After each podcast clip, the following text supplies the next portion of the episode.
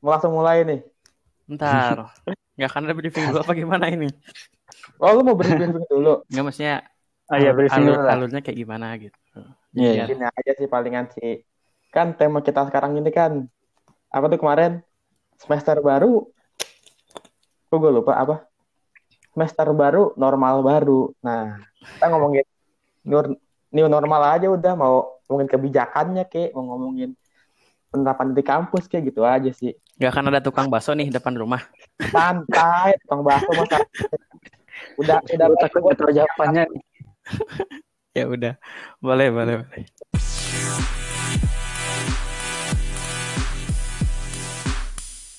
Ntar. Oke, Assalamualaikum warahmatullahi wabarakatuh teman-teman semua. Waalaikumsalam warahmatullahi wabarakatuh. Gila nggak berasa kita ketemu lagi di episode selanjutnya dari podcast Sound of Alphat FPF. Yeay. Keren, keren, gue sebelumnya nih, gue mau ngasih tahu dulu. Kali ini gue bakal ngobrol sama orang baru di sini nih. Siapa Orangnya tuh? keren kok. Kebetulan dia ini salah satu orang penting di fakultas tetangga Cie. kita nih Wih. di FPF.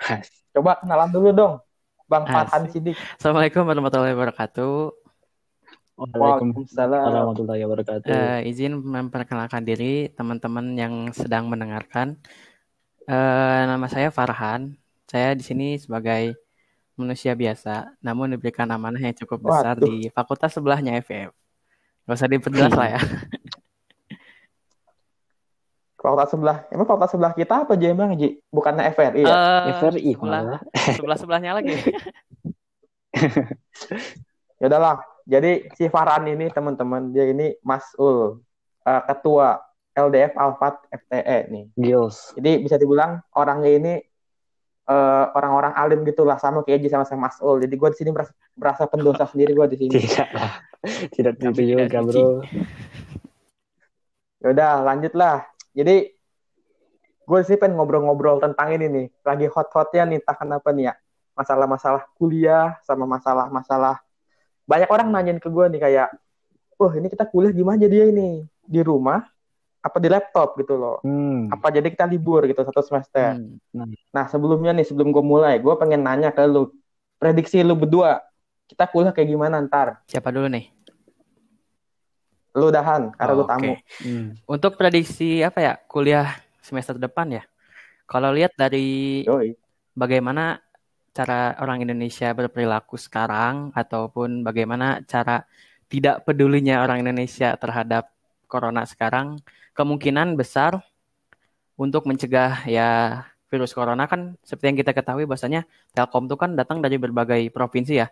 Bahkan mungkin dari semua Yoi. provinsi misalkan sampai Papua pun ada orang gitu. Jadi di berbagai provinsi mungkin salah satu pencegahan yang dilakukan oleh rektor ataupun pihak Telkom itu dengan cara eh, apa kuliah online gitu. Meskipun ya keefektifan kuliah online itu lebih sedikit ataupun kurang efektif dibandingkan kuliah offline.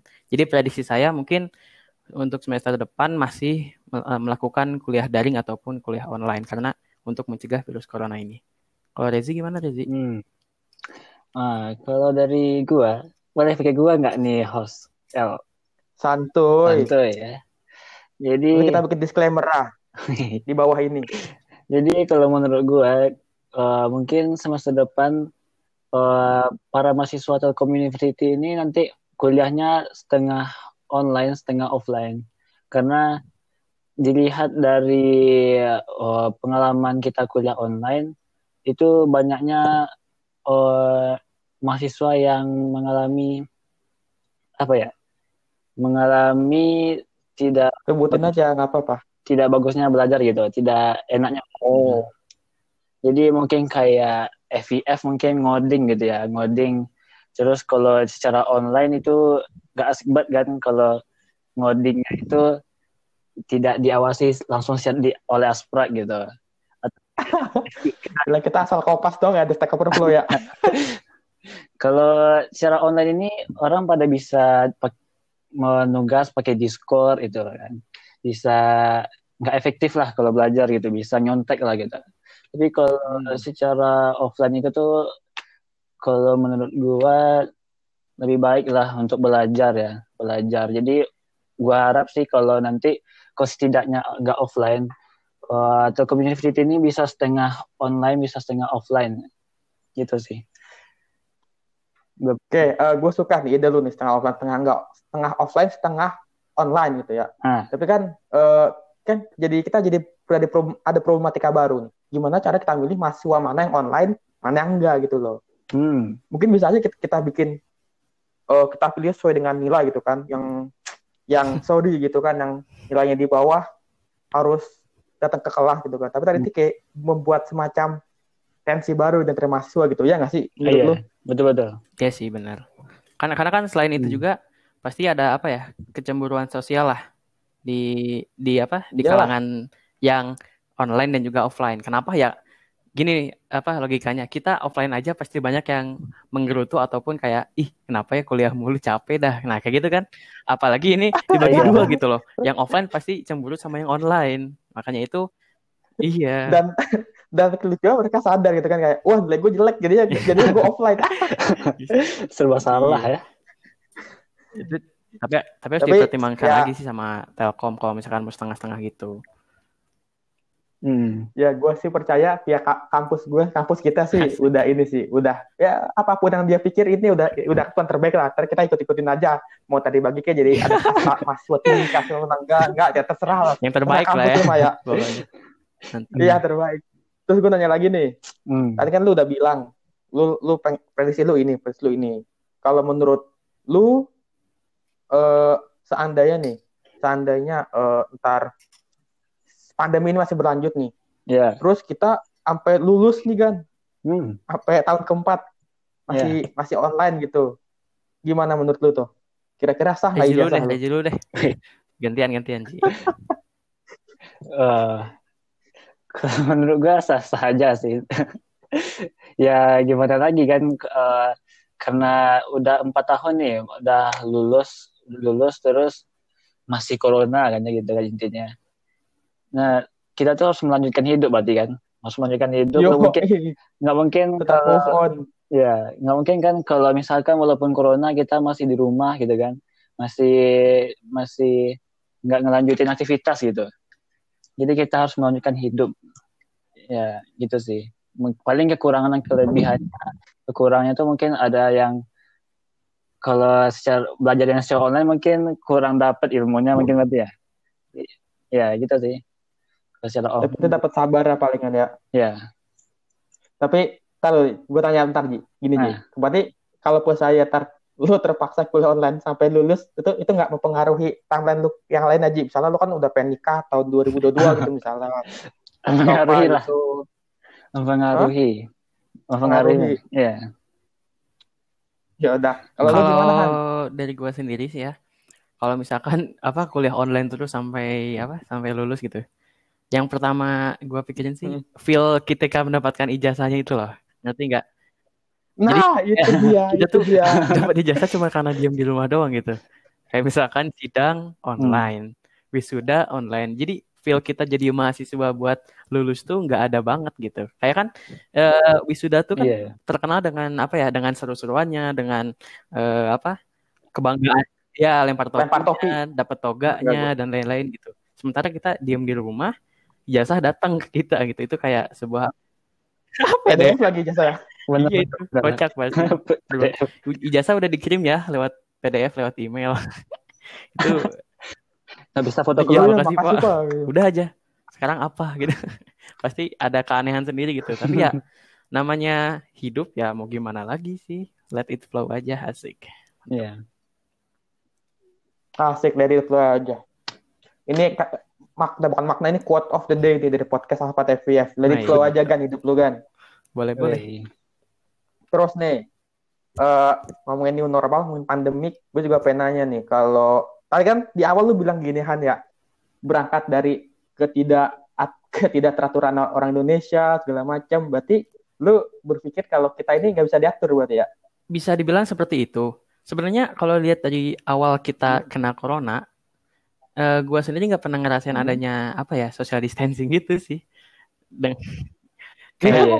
keluar keluar rumah tuh kayak Namanya oh ini ya udah kayak apa kayak hari-hari biasa gitu yang sebelum ada corona dan memang orang Indonesia tuh di bisa disebut apa keras kepala ya memang keras kepala karena mungkin ya entah kenapa mereka keluar mungkin ada kepentingan lain ataupun hal-hal lain yang penting gitu. Hmm. Cuman kalau misalkan kita keluar rumah tapi tidak berkepentingan yang sangat penting misalkan cuma main ataupun cuma nongkrong ya itu pasti bikin gedeg lah pasti kan karena kan Indonesia itu paling susah negara untuk lockdown. Kenapa? Karena e, tersebar beberapa kota, beberapa pulau, dan di situ mereka ada penduduk-penduduk banyak. Dan itu nggak bisa, mereka tuh nggak bisa diam diri di rumah karena nggak ada supply ataupun nggak ada bantuan dari pemerintah. Makanya mereka terpaksa untuk keluar e, untuk mencari nafkah ataupun mencari ataupun memperbaiki ekonomi keluarganya. Jadi gitu. Kalau bilang susah diatur, hmm. ya 50-50 sih. Kita e, pandangan susah diaturnya itu susah diaturnya ini berpandangan ke mana? Apakah berpandangan kepada orang-orang yang penting untuk keluar rumah atau berpandangan kepada orang-orang yang tidak hmm. berkepentingan untuk keluar rumah? Jadi gitu. Jadi yang lu yang lu bilang 50-50 ini kayak ada dua sisi ya, sisi kesehatan di mana lu harus stay di rumah sama sisi ekonomi di mana wah gue harus nah, ngasih makan gitu. anak ini gue nih gini kan. Yang yang lebih bandel tuh yang itu yang keluar cuma karena nongkrong doang, gedeg asli.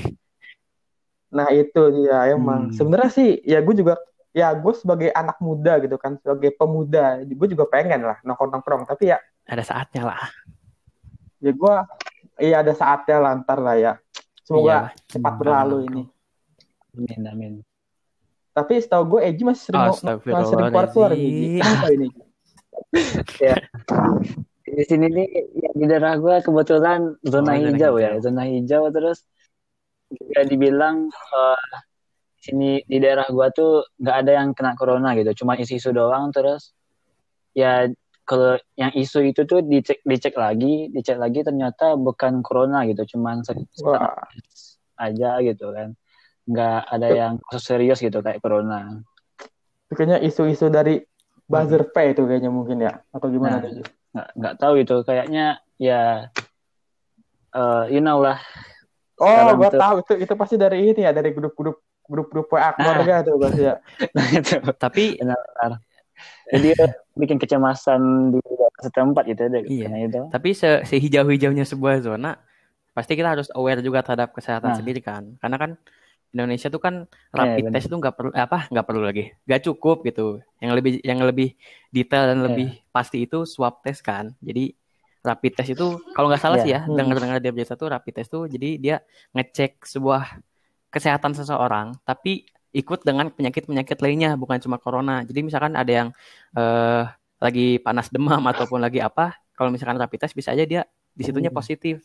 Jadi banyak-banyak banyak orang yang nyangka bahwasanya rapid test itu bukan apa hanya untuk corona, padahal yang lebih rinci dan lebih lengkap itu uh, swab test. Jadi kalau misalkan rezim mau keluar ya tetap harus jaga kesehatan sih. Takutnya kita nggak tahu siapa yang lagi kena corona, tiba-tiba kena ke kitanya gitu. Jadi harus tetap jaga kesehatan. Hmm, yeah. Cerah main lu ya. Sekedar mengingatkan. Yeah. Lanjut nih. Hmm. Gue pengen nanya, menurut lu, lu sama kebijakan di norma pemerintah sekarang nih, lu pro apa kontra nih? Lazy deh. Normal ya. Silakan. Gue ya. Hmm. Kalau gua new normal sekarang tuh apa ya? Pro kontra ya? Iya. Lu mendukung atau justru kontra nih dari keputusan yang diambil pemerintah sekarang nih? Kalau gua sih pro kayaknya. Pro karena uh, dilihat dari kasus ekonomi Indonesia kan ya, kasus ekonomi hmm. terus kasus kehidupan Indonesia yang dari foto segala faktor itu kayak pendidikan, ekonomi, sosial itu kan harus terus berlanjut kan ya. Nggak mungkin kayak kita lihat aja kayak sisi dari pekerja Gojek gitu. Gojek, nah itu kalau misalnya masih di rumah aja, terus mereka cari kerjaan di mana gitu. Dan juga misalnya mereka beralih ke jadi uh, kaki lima kan, jadi kaki lima mereka juga nggak bisa keluar kan nggak bisa keluar terus mereka mau cari duit dari mana kan nah di situ tuh perlu uh, kita mungkin new normal ini perlu boleh diadain boleh dilaksanain tapi harus menggunakan protokol-protokol kesehatan gitu. Karena kehidupan ini harus terus berlanjut menurut gue. Itu sih. Berarti si Eji pro nih Han. Kalau lu gimana semua Han? jawabannya udah kami sama Rezi ya. Kalau aneh pribadi pro juga sih, karena gimana ya? Lihat kondisi negara yang nggak mampu untuk ngasih supply ataupun ngasih subsidi ke tiap orang ataupun tiap rumah di Indonesia, dan kita kalau misalkan cuma berdiam diri aja bikin ekonomi makin turun, eh ya kalau dari gua sendiri sih pro pro aja sih, cuman kontranya itu ketika eh, apa ya? New normal ini membuat orang-orang tuh menjadi apa ya? Jadi semakin barbar gitu. Jadi istilahnya, eh, jadi kayak Ah, iya, misalkan benar. oh ini new normal, ya udah berarti kita bebas aja kayak biasanya gitu. Iya. Padahal di sisi lain new normal ini kan Nah, betul. menerapkan namanya new normal nih. Berarti kan eh normal Hmm. yang baru itu berarti kan sebuah kebiasaan yang diubah menjadi Hmm. kebiasaan yang baru kan. Nah, di sisi nah itu Ya, kontranya itu ketika ada orang-orang yang menyepelekan new normal ini dengan misalkan keluar hanya untuk misalkan eh, ke mana atau nongkrong tapi tidak pakai masker gitu. Tapi eh, new normal untuk orang-orang yang mencari nafkah ataupun mencari kebutuhan ekonomi itu mungkin mereka sangat pro sekali ya karena melihat ekonomi mereka dan juga melihat eh, kebutuhan hidup mereka juga yang memaksa mereka untuk new normal. Tapi Hmm. kalau dari gua sendiri new normal itu pro asalkan melihat protokol kesehatan dan juga memperhatikan apa-apa saja yang perlu dilakukan dan juga tidak dilakukan oleh orang-orang di masa pandemi ataupun masa new normal ini. Seperti itu. Hmm. Betul. Gua setuju. sebenarnya keren sih. Tapi mungkin gue nambahin dikit kali ya. Kadang Hmm. orang orang-orang kan mikir itu kan new normal itu kan ya kita Iya. balik jadi Iya, iya. Kayak biasa gitu. Padahal Iya. jelas ada new gitu kan, ada diksi, ada kata new gitu. Jadi yang baru gitu. Jadi lu nggak bisa asal balik, asal langsung main ngopi, Nah, nongkrong sambil itu. wuduk gitu nggak bisa Iya, coy. Nah, gitu mesti ya kan. Iya. Tapi orang-orang Indonesia mungkin salah kaprah gitu. Dia tidak bisa mendefinisikan Iya, normal yang baru itu kayak gimana gitu ya. Hmm. Uh gila, jadi orang pinter gini gua. Harusnya dikasih nama dia. Dengan new normal namanya. Apa Ji? Kasih Ji, nama baru buat pemerintah, ntar gue sampein ke Pak Luhut. Enggak. Gue ngikut aja lah. Oh ya nih, gua gua gua dapat ini kata-kata menarik dari temen gue. Temen gue bilang kayak gini, eh lu Hmm. perhatiin dah negara-negara yang yang apa ya, yang lebih tertutup gitu, yang yang lebih otoriter itu kasus coronanya lebih sedikit. Iya nggak sih? Coba lu lihat dah. Hmm, hmm, Kayak hmm. Rusia, dia Iya, relatif sedikit korbannya. Iya. Terus Vietnam, mereka udah udah mulai ngebuka lagi gitu kan. Cina Hmm. gitu kan. Iya. Ini kan mereka semua negara-negara eks-komunis nih. Iya. Ya, gua gua nggak bilang komunis itu baik atau apa ya. Ini ini cuman mencari benang Yes. merah di antara mereka gitu loh, Mhm. gitu kan. Hmm. Jadi terkadang gue berpikir terkadang gitu ya, apakah eh mungkin emang dibutuhkan ketegasan dari pemerintah mungkin ya. Terkadang terlalu bebas itu tidak baik mungkin. Betul sekali. Setuju nggak? Iya. sama Iya. Gue setuju. Oke, berarti abis ini lu semua kita udah 88 abis ini semua. Tukang bakso depan rumah.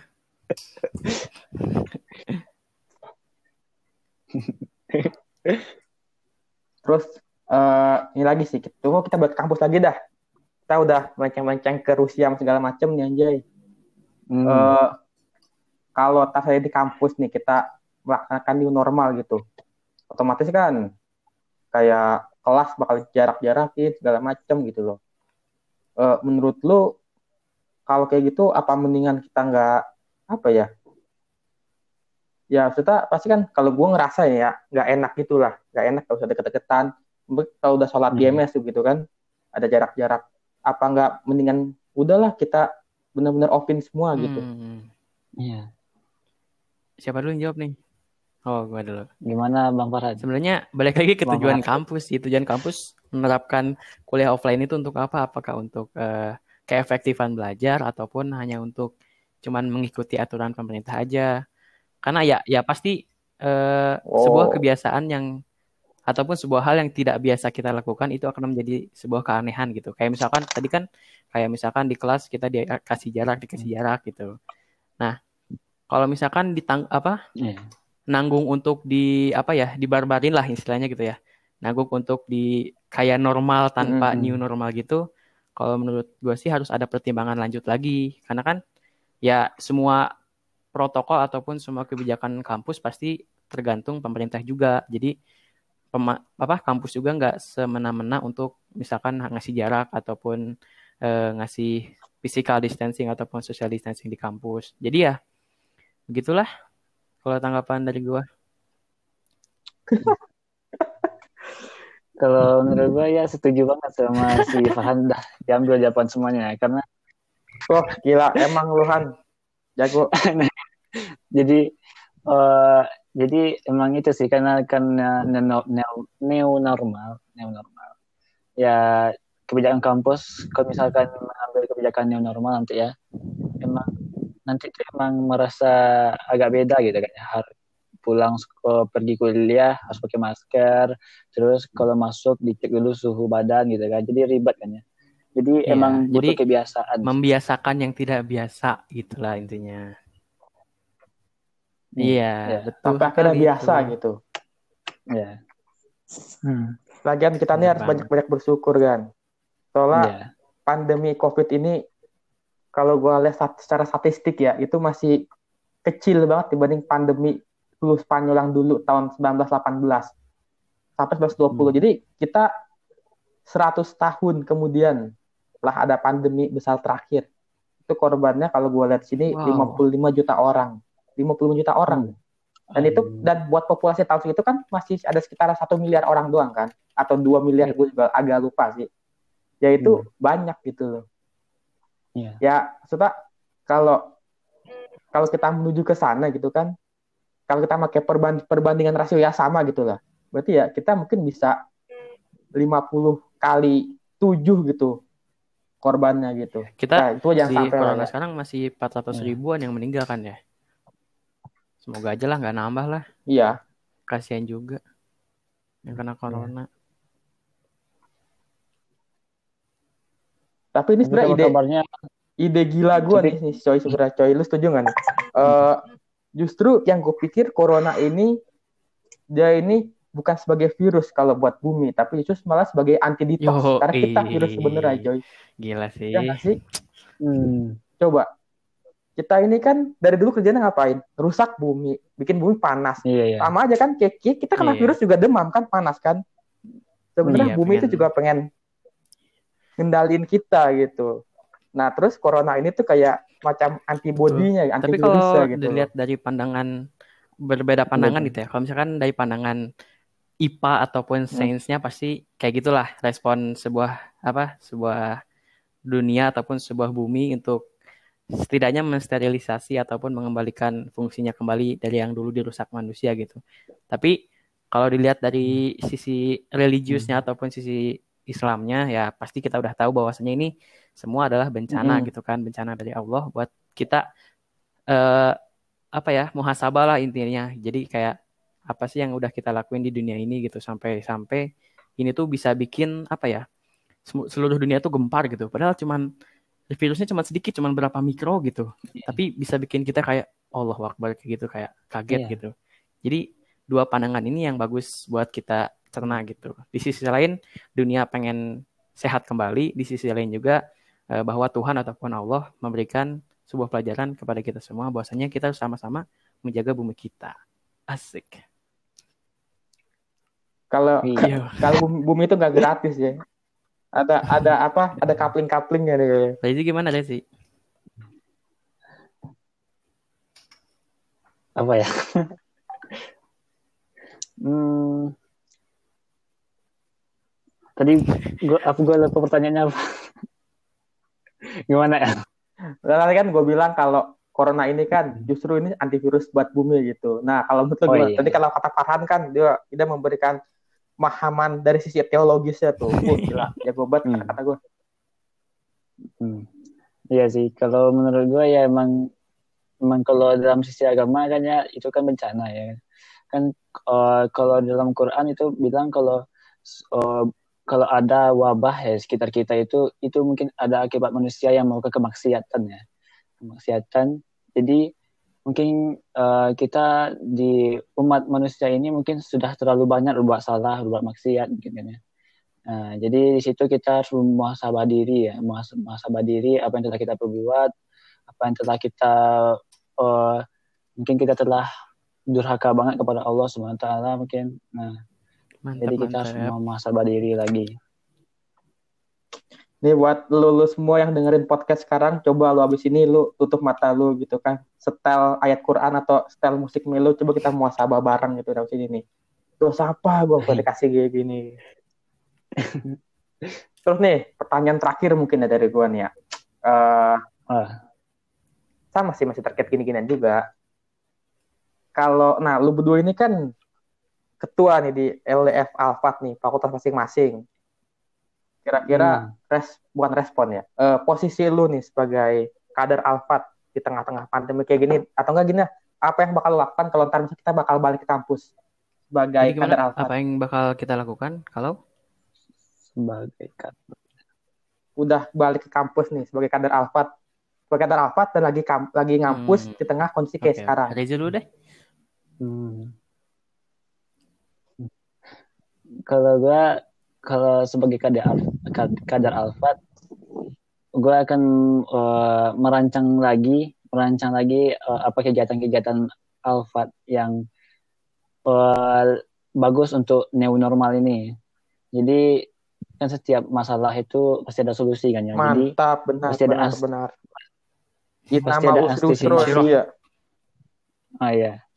Jadi ada antisipasi uh, jika ada satu yang jika melakukan sesuatu itu misalkan ada ya melakukan sesuatu nih biasanya kayak offline kayak kajian kajian kita saling rapat gitu. Mungkin kita bisa melakukan kajian internal atau mungkin secara general gitu.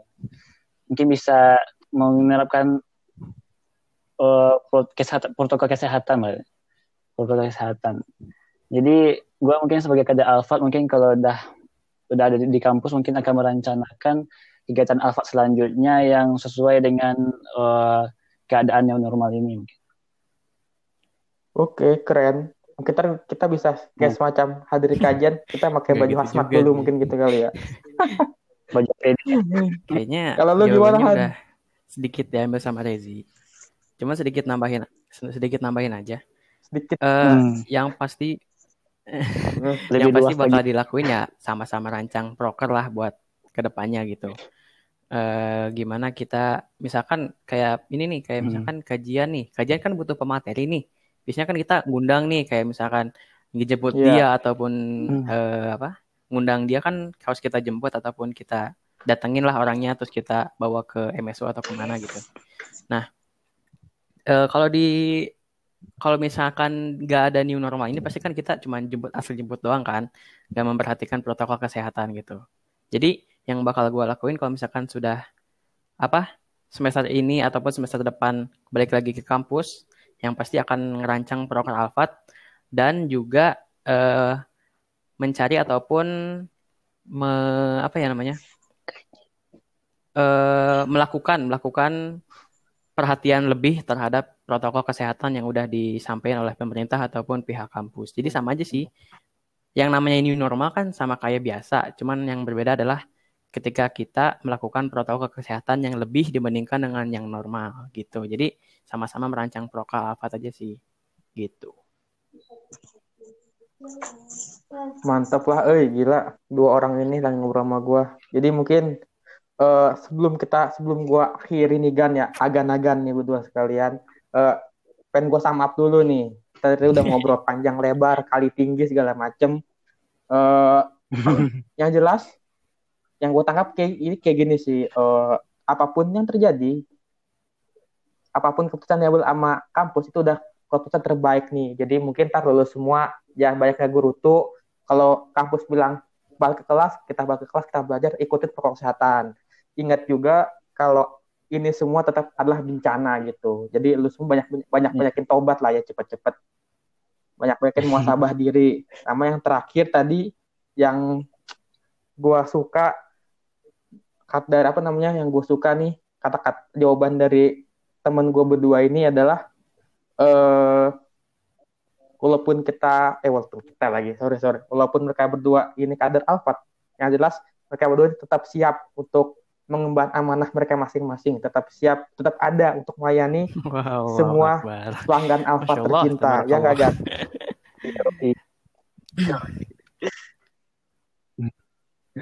Oke lah, ke Keja udah setengah jam nih kita ngobrol-ngobrol. Hmm. Ya kalau dari gua sih ambil yang bener aja dari gua. Kayaknya kayak dari gua sih salah pasti. kayaknya sih. Gak lah. Iya. Ya udah, uh, thank you banget buat lu berdua, buat Eji, buat Farhan. Semoga ini nggak jadi akhir kali yeah. kita collab bareng di project-project kayak gini dan semoga uh, bencana itu se apa cepat oh, iya. diangkat ya sama Allah Subhanahu Ini mau mau ngomong deh buat Amin. yang dengar. Uh, ngambil penggalan okay. di ayat Al-Baqarah. Eh kalau nggak salah ayat Al-Baqarah nggak tahu apa ya lupa. Kalau kalau salah nanti hmm. koreksi aja. Bahwasanya tidak semua yang kita uh, anggap baik itu Allah menurut Allah itu baik. Tidak semua yang anggap kita jelek menurut Allah itu jelek. Jadi semua rencana Allah itu adalah yang terbaik jangan terlalu mengeluh dalam keadaan, jangan terlalu mengeluh dalam situasi yang seperti ini. Jadikan situasi ini pelajaran dan juga ambil hikmah dari situasi pandemi ini. Kita bisa lebih mendekatkan diri kepada Allah ataupun bisa lebih apa ya namanya bermuhasabah diri dan juga bisa memperbaiki uh, diri kita untuk ke depannya. Karena kan ini teguran yang sangat kencang nih buat semua dunia ini. Jadi kita di sini harus sama-sama tahu uh, tujuan kita ke depannya mau ke mana dan jangan sampai melenceng lagi ke jalan yang lebih buruk lagi dari yang sebelum pandemi ini gitu. Pesan aja sih sedikit. Oh ya. mantap. Gokil Farhan. Gokil gokil gokil. Gue nggak bisa loh ngomong kayak gitu loh gue juga nggak bisa. Siap siap. Ya udah thank you banget buat lu semua yang udah hmm. mau dengerin dengerin podcast ini sampai ujung ya walaupun mungkin hmm. baru di ujung-ujung doang yang bener. Awalnya kalau ngomong banyak yang salah udahlah sekian dari gua. Uh, tetap semangat. Tetap di rumah aja kalau nggak ada kepentingan. Izin pamit sekian dari gua. assalamualaikum warahmatullahi wabarakatuh. Waalaikumsalam